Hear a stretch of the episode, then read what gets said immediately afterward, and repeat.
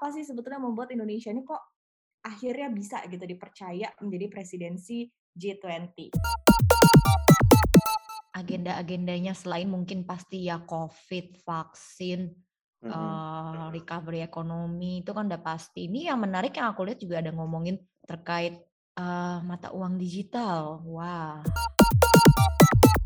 Nah, fungsi pentingnya di mana?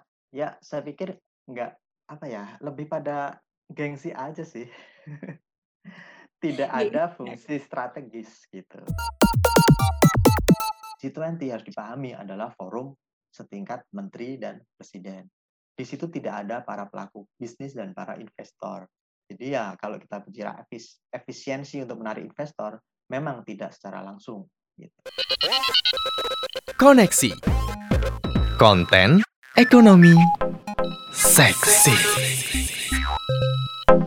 Hai hai hai, apa kabar Sobat Cuan semuanya? Selamat pagi, selamat siang, selamat sore, selamat malam. Semoga sehat-sehat selalu, happy-happy selalu untuk Sobat Cuan semua ya. Kali ini kita ketemu dalam segmen Koneksi, konten ekonomi seksi bersama gue Syarifah Rama dan ada siapa di sini? Dargun, Ah. biasa. Ya, iya, the one and only Mas Argun ya, Head of Research CNBC Indonesia dan juga ada Ellen Grazia. Ada Ellen. Betul. Kali ini kita ini ya menjajah lapaknya Kamaria ya. Kita gantiin Kamaria dulu, kita take over dulu nih ya jatah koneksinya Kamaria. Dan kali ini kita akan ngobrol-ngobrol. Temanya ini lumayan seru ya Mas Argun ya. Ini juga lagi rame di mana-mana adalah terkait dengan Indonesia yang pertama kali menjadi presidensi G20. Nah, ini kira-kira gimana sih Mas Argun? Apa sih sebetulnya membuat Indonesia ini kok akhirnya bisa gitu dipercaya menjadi presidensi G20? Konteksnya itu Indonesia lagi mau mencalonkan diri gitu. Jadi kita itu eh, ngebet nih, pingin eh, pingin jadi pemimpin eh, G20. Eh, dia berharap kalau misalnya ini beneran terpilih, eh, nanti bisa akan melit eh, organisasi yang paling eh, elit di di dunia ini atau bahkan di semesta gitu ya di bumi. Karena Iya ini kan berisikan 20 negara. Nah, 20 negara maju dan emerging market ini sumbangannya gede. Ellen, Sobat Cuan, dan Iva, mereka menguasai 90% ekonomi dunia, 80% perdagangan global, eh, sepertiga populasi dan ya separuh kawasan daratan itu di bumi. Dan mereka juga menyumbang 75% emisi gas rumah kaca pemicu eh, climate change. Ya, makanya ini forum di mana orang-orang paling penting di bumi ini nih pada ngumpul, mereka harusnya bisa menciptakan kebijakan yang uh, lebih uh, apa namanya produktif dan mendukung keberlanjutan ekonomi di di dunia gitu. Jadi uh, sebenarnya Indonesia mengajukan diri dan nanti harus bernegosiasi dengan uh, ada empat negara nih, ada Cina, Korea Selatan, dan Jepang gitu. Jadi kita dan mereka bertiga ini tadi Cina, Korsel, dan Jepang ini nanti dapat jatah estafet untuk jadi pemimpin gitu. Jadi G20 itu model kepimpinannya diputer. Jadi ada lima grup kayak kayak sepak bola gitu. Nah, misalnya tahun ini grup satu, tahun depan grup dua, selanjutnya grup tiga, dan di antara grup itu mereka ngobrol siapa ini yang akan jadi pemimpinnya, saling bernegosiasi gitu. Uh, kalau mulainya grup kita itu kita grup 5 bersama Korsel Jepang dan Cina tadi itu itu mulainya tahun 2011 kita dulu maju. Nah, maka 2016 saat itu yang jadi ketuanya adalah Korea Selatan. Nah, kemudian 2011 lima tahun kemudian ya kan karena ada lima grup giliran. Jadi 2016 itu gilirannya Cina. Nah, sekarang lima tahun kemudian uh, gilirannya siapa? Apakah gilirannya Jepang ataukah Indonesia gitu? Kan yang Korsel sama Cina udah tuh. Oke, Mas Argun ini kan aku baca-baca kan bakal uh, akan ada serah terima tuh ya dari uh, Itali, baru nanti akan dari Itali ke Indonesia.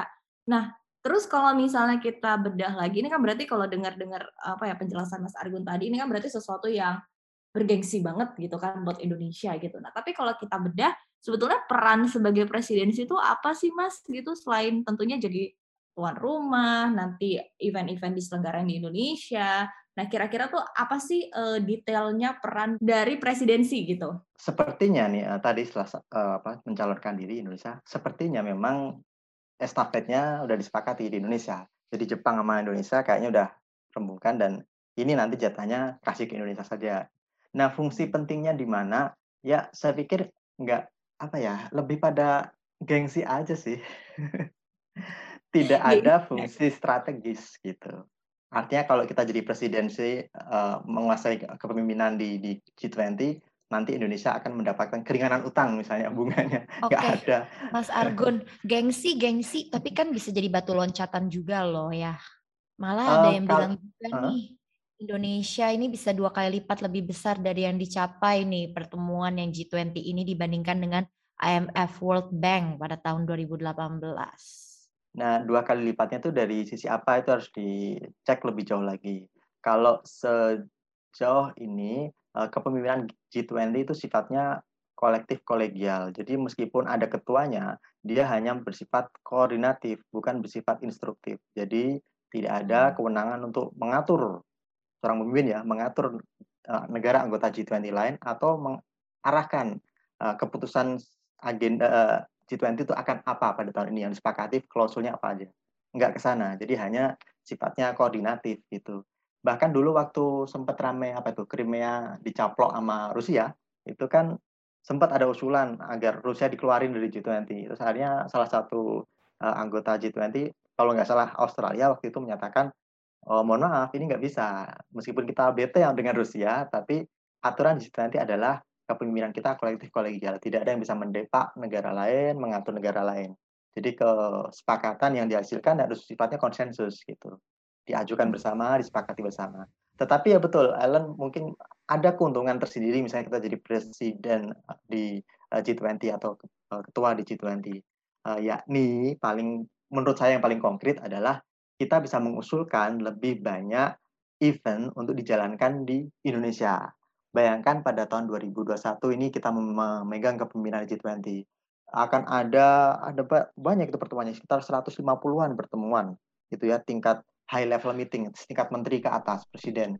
Nah, itu dijalankan 150 dalam waktu satu tahunan gitu. Dan itu kemungkinan kalau bisa diajukan mayoritas bisa dijalankan di Indonesia, entah di Bali, entah di Jakarta, entah di Lombok misalnya. Dan itu memang bisa membantu memutar ya sedikit lah uh, apa namanya uh, kontribusi ke uh, aktivitas bisnis atau uh, pariwisata gitu ya juga di, ya. Indonesia pariwisata. Uh, iya paling paling konkret itu Nah itu dia kan, berarti sebenarnya kalau mau ngomongin soal gengsi, tapi gengsinya ini membuka peluang lebih besar in the future, apalagi kan kita kan pengennya expect-nya kan pemulihan ekonomi di tahun depan, terus kalau misalkan uh, dari G20 ini bawa pulang oleh-oleh dengan event-event yang bergengsi tersebut dan juga berkontribusi buat ekonomi. Jadi why not dong berarti Mas Argun? Ya why not, tapi pada secara bersamaan ya uh, kita juga tidak perlu berharap terlalu banyak bahwa kita okay. akan bisa mengarahkan okay. G20 untuk bisa me mendorong kepentingan nasional kita. Misalnya kita lagi ramai ini mengundang investasi asing atau kita lagi berencana menegosiasikan beban utang bilateral misalnya. Nah, hal-hal tersebut itu tidak bisa di uh, apa namanya di, difasilitasi meskipun Anda menjadi ketua G20. Oke, Mas Argun, tapi kalau kita lagi menimbang-nimbang ya untung ruginya gitu kan, jadi uh, presidensi G20 ini. Nah, kalau misalnya tadi kan efeknya banyak orang datang ke Indonesia, kita bikin event di Indonesia, pariwisata juga bisa meningkat, terus uh, apa masyarakat-masyarakat yang ada di sekitar lokasi event ini juga nanti akan mendapatkan untung gitu kan. Nah, tapi kalau dilihat dari misalnya ada nggak sih efeknya mungkin untuk uh, perekonomian Indonesia ataupun juga PDB-nya angka lebih ke angkanya gitu ya kira-kira dengan kalkulasi event berapa kali gitu kira-kira ini bisa mendongkrak berapa nilai ekonominya gitu Mas Argun. Udah ya, bisa meskipun baik lagi tadi Mas Argun bilang jangan expect terlalu tinggi gitu tapi ya garis besarnya gitu loh, Mas Argun. Secara angka gitu Mas Argun. Oke, kalau angka sih jujur saya belum pernah meneliti ya di antara negara-negara sebelumnya ketika mereka menjadi uh, pemegang jabatan kepemimpinan di G20 apakah ada efek positif ke PDB mereka. Satu persatu memang belum. Tetapi ya skenario nya kalau menurut pemerintah sih ada ini perkiraan peningkatan konsumsi di Indonesia kalau ada ajang-ajang demikian ya minimal 1,7 triliun dan penambahan PDB-nya bisa 7,4 triliun. Lumayan, Mas. Tidak tidak tidak besar tapi ada gitu. Iya, dikit-dikit ada tapi ya. dikit-dikit ada gitu. Dan kalau kita lihat ada risiko apakah kita akan berakhir zong? bisa jadi ada loh kemungkinan kita zong juga ekspektasi nanti memutar perekonomian dengan menggelar ajang eh, G20 di Indonesia bisa jadi hilang kalau misalnya COVID masih berkelanjutan ini pandeminya. Kalau iya. tahun lalu kan Arab Saudi ini yang jadi presidensinya. Dan sepanjang tahun lalu G20 pertemuannya itu webinar semua. Jadi nggak ada pertemuan uh, real life gitu ya di, di hotel atau di mana nggak ada. Semuanya webinar. Jadi Zong ya, main Arab Saudi. banget dong kalau webinar. iya. Oke. Nah, nah kalau nanti itu bakal ngomongin apa aja sih Mas Argun? Agenda-agendanya selain mungkin pasti ya COVID, vaksin, mm -hmm. uh, recovery ekonomi itu kan udah pasti. Ini yang menarik yang aku lihat juga ada ngomongin terkait uh, mata uang digital. Wah, kira-kira gimana ya. Mas Argun? Ya, mata uang digital baru akan dibahas pada tahun 2022 secara resmi. Jadi mungkin pada hmm. 2021 ini uh, para Eh, negara-negara anggota G20 baru akan menyiapkan kerangka kerja di tingkat uh, negara masing-masing. Jadi mereka akan memberikan catatan mengenai cryptocurrency tadi misalnya, itu pelaksanaannya bagaimana di dalam negeri dan apakah ada risiko yang akan bisa dihadapi dalam tataran global. Dan itu baru mungkin akan di-share ke forum tersebut tapi tidak akan dijadikan sebagai bagian dari klausul kesepakatan karena agendanya memang baru akan dibahas pada tahun 2022 gitu. Dan di sisi lain selain uh, bahas kemungkinan itu tadi ya uh, cryptocurrency meskipun belum sampai pada kesepakatan, ya kita nanti akan melihat pembahasan pada penanganan pandemi uh, vaksinasi sejauh ini bagaimana. Selama ini kan ada ketimpangan vaksin, negara-negara maju saling menguasai ya vaksin yang diproduksi mereka, negara-negara Afrika dan ya Asia banyak yang belum ke, kebagian misalnya ada ketimpangan di situ dan kemudian akan coba diadres di forum tersebut. Dan biasanya mereka akan membahas tentang uh, stabilitas keuangan global. Jadi hmm. sepanjang pandemi ini uh, ada banyak restrukturisasi kredit perbankan, kemudian juga ada gejolak volatilitas di pasar modal di tingkat global di setiap negara, dan itu efeknya sejauh mana terhadap keberlanjutan uh, sistem keuangan di dunia. Dan itu mungkin akan di ya akan ada semacam kesepakatan bersama untuk mengatasi risiko-risiko yang bisa mengganggu kestabilan keuangan global. Akan ada kebijakan yang mungkin akan ditetapkan untuk dilakukan bersama-sama di tingkat moneter maupun fiskal. Dan biasanya yaitu tadi perubahan iklim ini akan selalu dibahas uh, tiap tahun karena ya seperti tadi saya sebutkan uh, 20 negara ini menyumbang 75% nih uh, CO2 metana dan gas-gas yang bikin uh, bumi makin panas ini. Jadi ya And kalau then again misalnya, Indonesia juga kan komoditi apa produsen komoditi terbesar juga salah satu produsen komoditi terbesar juga ya Mas Argun ya yang sebenarnya juga berkaitan erat dengan climate change ini ya Mas Argun. Nah itu dia memang akhirnya memang kita akan jadi salah satu pihak yang di uh, dilirik gitu ketika bahas climate change betul, betul selain banget. Cina dan Amerika gitu. Cina kan memang juga dia konsumen batu bara. Ya. Iya. Ya. Dan Masa selama ini ada lucu nih, lucu Indonesia nih kalau ngomongin soal climate change dan batu bara itu biasanya kita akan uh, mengklaim bahwa loh kita ini kan cuma menggali batu bara, kita nggak ngebakar batu bara. yang ngebakar negara-negara yang membeli batu bara iya. kami. nah ini harus di, bagaimana perlakuannya gitu. Tapi kayaknya ada akan ada kesepakatan bagaimana menghitung sumbangan efek rumah kaca dari produsen batu bara. Mas Argun terus ya, kita kita wonderingnya misalnya nih ya, uh, tadi kan worst case skenario-nya adalah Zoom meeting semuanya gitu kan. Tapi kita berandai-andai misalnya orang-orang juga datang ke sini gitu kan, eventnya diselenggarakan secara uh, fisikal gitu kan.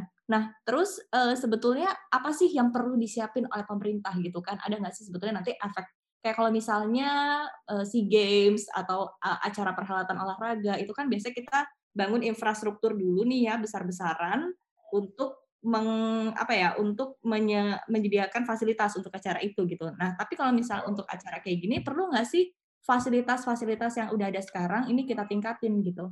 Um, sebenarnya kalau persiapan khusus sebenarnya tidak perlu. Maksudnya ini tidak sepertinya tidak akan intens dijalankan. Ya kalau kita bicara pandemi ini pada tahun ini saja kan pandemi masih jalan.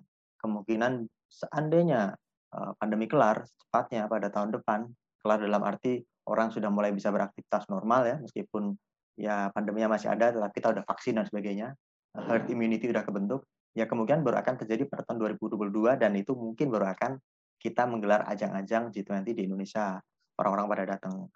Mungkin itu yang akan terjadi dan sepanjang uh, apa namanya kita pahami kan uh, event ini itu sifatnya eksklusif, tidak menghadirkan ribuan masa pendukung gitu. Beda sama uh, SEA Games, Asian Games, apalagi Olimpik gitu ya. Orang-orang yang uh, ingin mendukung uh, apa namanya para atletnya kan pada datang. Tapi di G20 ini nggak seperti itu. Ini lebih sifatnya Tapi tapi Sater dikabarin katanya saja. bakal di Bali ya, Mas Argun? Salah satunya di Bali ya. Atau Karena memang Bali paling suportif gitu. Bukan bukan lebih ke infrastruktur gede sih, lebih kayak ke mungkin uh, jaringan teknologi, apa sih kayak ICT-nya perlu ditingkatin, terus uh, apa nyiapin pembayaran digital, lebih ke hal-hal kayak gitu perlu nggak sih Mas Argun?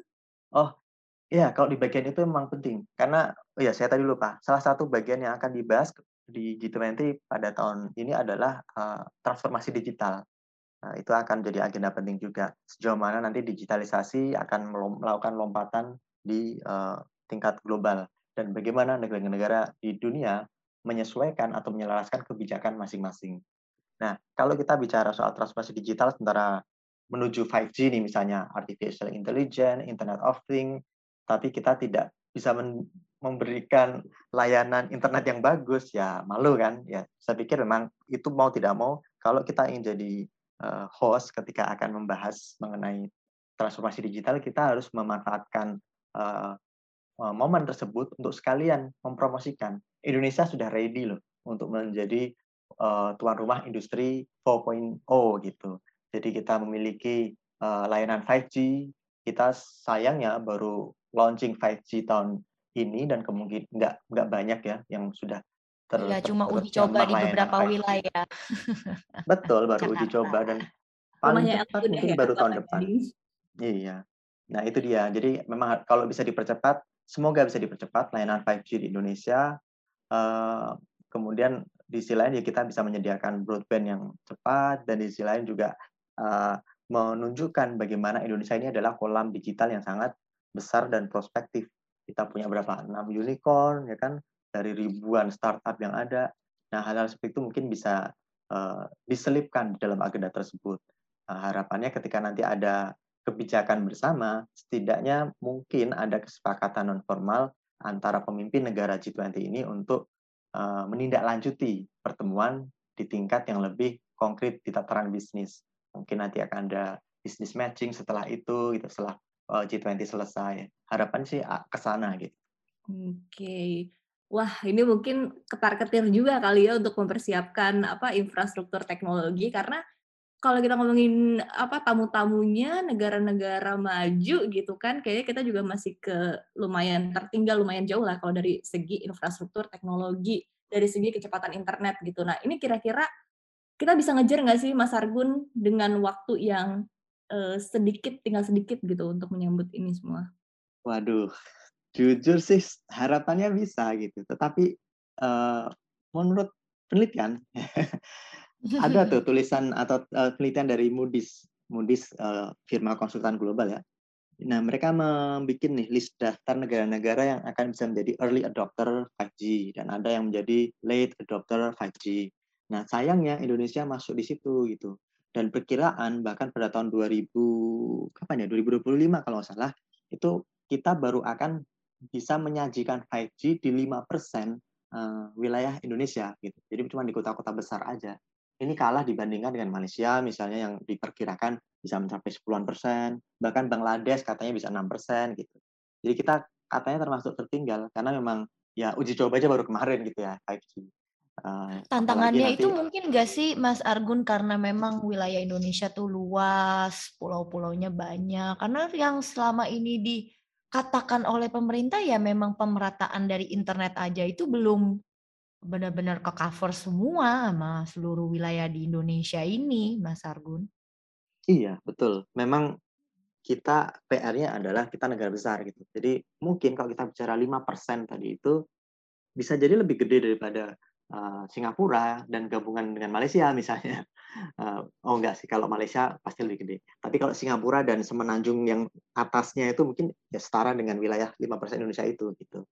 Uh, artinya 5% itu kalau kita bicara realnya memang kemungkinan luas gitu yang udah di yang bisa di, di apa namanya dilayani dengan 5G. Uh, tetapi kalau kita bicara kemajuan sebuah negara, sebuah bangsa itu kan nggak bisa hanya fokus pada lima persen saja atau 10% saja. Kita harus fokus ke 100% gitu. Dan memang PR selama ini adalah membangun infrastruktur di luar Jawa. Tapi Betul. jangan lupa bahwa 5G ini juga uh, teknologi yang uh, sifatnya adaptif dan bisa jadi kita tidak akan perlu membangun menara-menara BTS seperti dulu gitu. Ada terobosan misalnya melalui melalui balon udara, itu kan Google tuh sempat datang ke Indonesia nawarin ada cara mudah untuk meratakan nih uh, layanan uh, broadband atau internet nih uh, dengan balon, balon Google misalnya. Salah satunya itu. Jadi banyak terobosan yang bisa dijalankan dan ini hanya tinggal kemauan politik saja untuk mengambil atau memilih mengikut yang sudah ada yang diterapkan oleh negara-negara lain. Dan sayangnya Indonesia memang bukan termasuk negara yang mengembangkan teknologi 5G. Kita hanya mengikuti gitu. Dan ya kita aplikasinya akhirnya terlambat dan di Indonesia juga ada faktor regulasi juga, uh, Ellen. Uh, kalau kita bicara wilayah udah pasti itu tantangan. Tapi ada tantangan mm -hmm. kedua yang sebenarnya nggak penting dan harusnya nggak perlu ada, yakni regulasi. Jadi banyak yang mengeluhkan bahwa regulasi data center di Indonesia ini masih redundant. Jadi mana data-data yang harus wajib disimpan di data center yang berlokasi di Indonesia, mana yang boleh disimpan di negara asalnya, misalnya Amerika Serikat ke untuk uh, misalkan apa uh, Google atau AWS atau Amazon gitu. Kalau mereka mau bangun data center di Indonesia atau melayani uh, apa namanya pasar digital di Indonesia, yaitu pemerintah mengharuskan mereka bangun data center dan apa saja data yang disimpan, nah itu yang di, di dalam negeri, ya itu yang masih jadi uh, keberatan para bisnis nah, global iya. itu. Berarti itu dia regulasi yang harus benar-benar dibahas dulu dong, karena kan kalau bayangin ya kalau misalkan Google, Amazon, bangun data center di sini. Ada investasi dong yang masuk Mas Argun dan itu bakal ya contribute banget dong ke PDB Indonesia ya enggak sih? Iya, memang kalau kita bicara teknologi digital, uh, memang kita tidak mengembangkannya gitu. Tapi kita pasar besar dan sebagai pasar iya. besar kita bisa memanfaatkan itu untuk menjadi posisi tawar gitu. Jadi ya Saya kalau ada investasi yang investor yang ingin masuk investasi ke sini, ya minimal harus ada uh, multiplier effect yang bisa dibagikan untuk ekonomi Indonesia gitu. Dan itu harusnya sudah mulai disiapkan jauh-jauh hari gitu. Dan di forum G20 ini ya meskinya ada kesepakatan bersama mengenai itu. Jadi ke arah mana pengembangan uh, ekosistem digital, industri digital uh, 4.0 ini? Uh, apakah pengenaan pajak perusahaan-perusahaan global itu nanti juga akan uh, ditetapkan secara strict di di semua negara di dunia. Selama ini kan memang ada rencana ya akan ada pajak untuk perusahaan global semacam Facebook, uh, Google dan kawan-kawan itu. Tapi ya ini masih uh, belum merata. Eropa sudah memperlakukan, tetapi uh, itu dilawan sama Amerika. Nah ini nanti yang kayaknya akan jadi perdebatan agak serius di G20 nanti hmm. soal ini. Mas kalau kita bedah lagi, kita lihat lagi gitu kan, sebetulnya regulasi yang dianggap paling memberatkan untuk para pelaku usaha di sektor teknologi itu apa sih Mas Argun? Karena kalau kita lihat sebetulnya tadi ya yang Mas Argun bilang kan marketnya ada, populasi kita luar biasa banyak gitu kan. Terus uh, otak-otak pinter, otak-otak cair, otak-otak di balik unicorn hebat di Indonesia juga banyak gitu kan. Unicorn juga ada beberapa, dekakon juga gitu. Sebetulnya apa regulasi yang paling menantang gitu Mas Arjun? Uh, regulasi yang terbaik untuk industri yang sedang berkembang adalah regulasi yang tidak ada gitu. Jadi kalau Anda ingin semua senang industri, dong. semua iya. senang. Jadi semakin banyak regulasi yang dibikin, maka pengembangan inovasi, terutama kita bicara soal digital, kita akan selalu identik dengan inovasi ya, inovasi layanan, inovasi eh, apa namanya produk kayak gitu. Dan itu semua seharusnya jangan dibatasi dulu gitu. Uh, tapi kan di seluruh negara nggak cuma Indonesia, ya memang tugas pemerintah adalah meregulasi. Makanya mereka me, berlomba-lomba bikin aturan tentang ya perusahaan teknologi atau digital lintas negara. Kalau kita bicara misalnya apa uh, e-commerce misalnya, ini kan regulasinya juga belum menyeluruh sebenarnya. Jadi pajaknya sempat mau diberlakukan, tapi kemudian dibatalkan. Atau kita bicara digital bank. Digital bank dulu kan regulasinya di Bank Indonesia itu baru layanan digital, online banking, internet banking. Sementara digital bank pada aslinya itu ya bank yang bisa menerima aplikasi kredit hanya dari telepon gitu. nggak langsung ketemu muka. Nah itu yang belum diatur gitu di aturan BI misalnya kayak gitu. Oh, OJK misalnya. Nah ini yang yang membuat industri yang berkembang pesat seperti ini itu menjadi terkekang gitu. Di Amerika Serikat sebaliknya uh, silakan anda jalan dulu. Tapi nanti kalau ada ya pelanggaran-pelanggaran serius ya sudah akan ikuti aturan yang sudah ada. Misalnya cryptocurrency. Di sana kan ya bisa dibilang open banget ya. Oke mau trading silahkan oh Elon Musk menerima eh, pembayaran dengan cryptocurrency. Ya silakan gitu. Jadi diizinkan dulu tapi nanti baru dilihat aksesnya seperti apa. Apakah mengganggu moneter di Amerika Serikat misalnya kalau dalam batas apa gangguannya ya itu yang harus dilihat. Nah kalau di Indonesia kan belum gitu saya belum seagresif itu uh, sifat sikapnya gitu.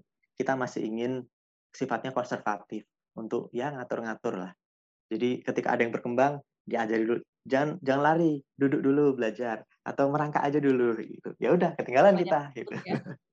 dilihatin dulu gitu ya Mas Argun kebanyakan takutnya ya takut ini iya. takut itu takut ini takut itu wait gitu and ya. see kalau kata investor oke okay. Mas Argun terus uh, tadi kan ya sebetulnya tujuannya juga salah satu apa ya salah satu tujuan di baliknya ini kan tentunya biar kita juga bisa jualan sesuatu gitu kan bisa ada dipamerkan gitu kan oleh Indonesia untuk negara-negara yang tergabung dalam G20 ini gitu kan. Nah terus yang bahkan uh, Pak Menko Pak Erlangga Hartarto juga menyebutkan kalau misalnya ini kesempatan nih untuk mamerin UU Ciptaker dan juga SWF.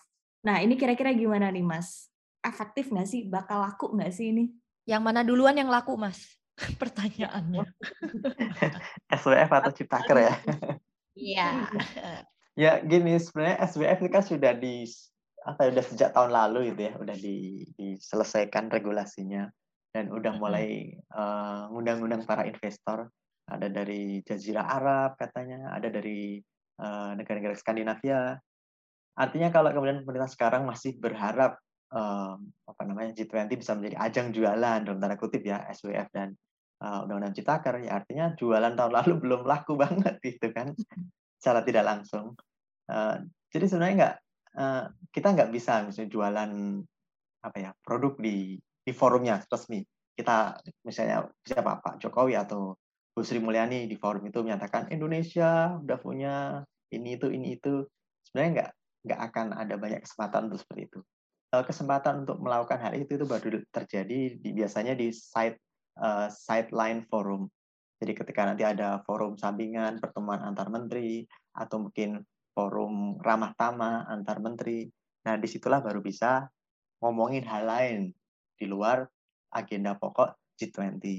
Nah, hal-hal lain itu mungkin salah satunya adalah SWF, Undang-Undang Ciptaker, bahwa Indonesia sudah mereformasi ya aturan-aturan yang Eh, investasi yang ada dan harusnya itu bisa menarik para investor untuk lebih berminat uh, ke Indonesia gitu. Dan saya pikir mungkin ya itu akan bisa dijalankan. Tetapi pada akhirnya G20 harus dipahami adalah forum setingkat menteri dan presiden. Di situ tidak ada para pelaku bisnis dan para investor. Jadi ya kalau kita bicara efisiensi untuk menarik investor, memang tidak secara langsung. Gitu. Jadi ya mungkin paling kita berharap setelah itu nanti menteri-menteri yang tadi diomongin soal SWF dan uh, Ciptaker ketika pulang ke negara masing-masing mereka memberitahu kepada pebisnis mereka atau investor di negara mereka untuk untuk investasi di Indonesia gitu. Tapi ya ya come on maksudnya itu kemungkinannya kecil. Intinya jualan dulu aja ya Mas Argun. Intinya marketing dulu aja ya. Monggo, uh, silakan. Enggak sama Ibaratnya tuh kayak sekalian Iya, kalau ya, ngegol ya, oke, okay, kalau enggak ya sudah.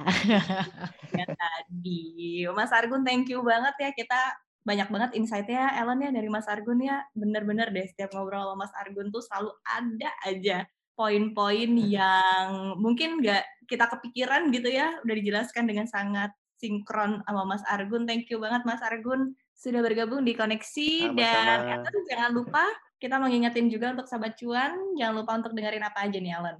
Dengerin podcast cuap-cuap cuan di Apple Podcast dan juga Spotify. Dan jangan lupa juga ya follow Instagram kita di uh, cuap underscore cuan. Dan ada YouTube juga dong pastinya yang harus Sobat Cuan tonton terus nih. Pokoknya di cuap-cuap cuan. Itu dia tadi ya Spotify, Apple Podcast, Google Podcast, Instagram, sama YouTube jangan lupa ya. Pokoknya pastiin Sobat Cuan dengerin kita terus ataupun juga nonton kita terus ya. Oke, dan gue Syarifah Rahma pamit. Argun pamit. Ellen pamit. Dan sampai jumpa Sobat Cuan semua. Bye-bye. Bye. Bye.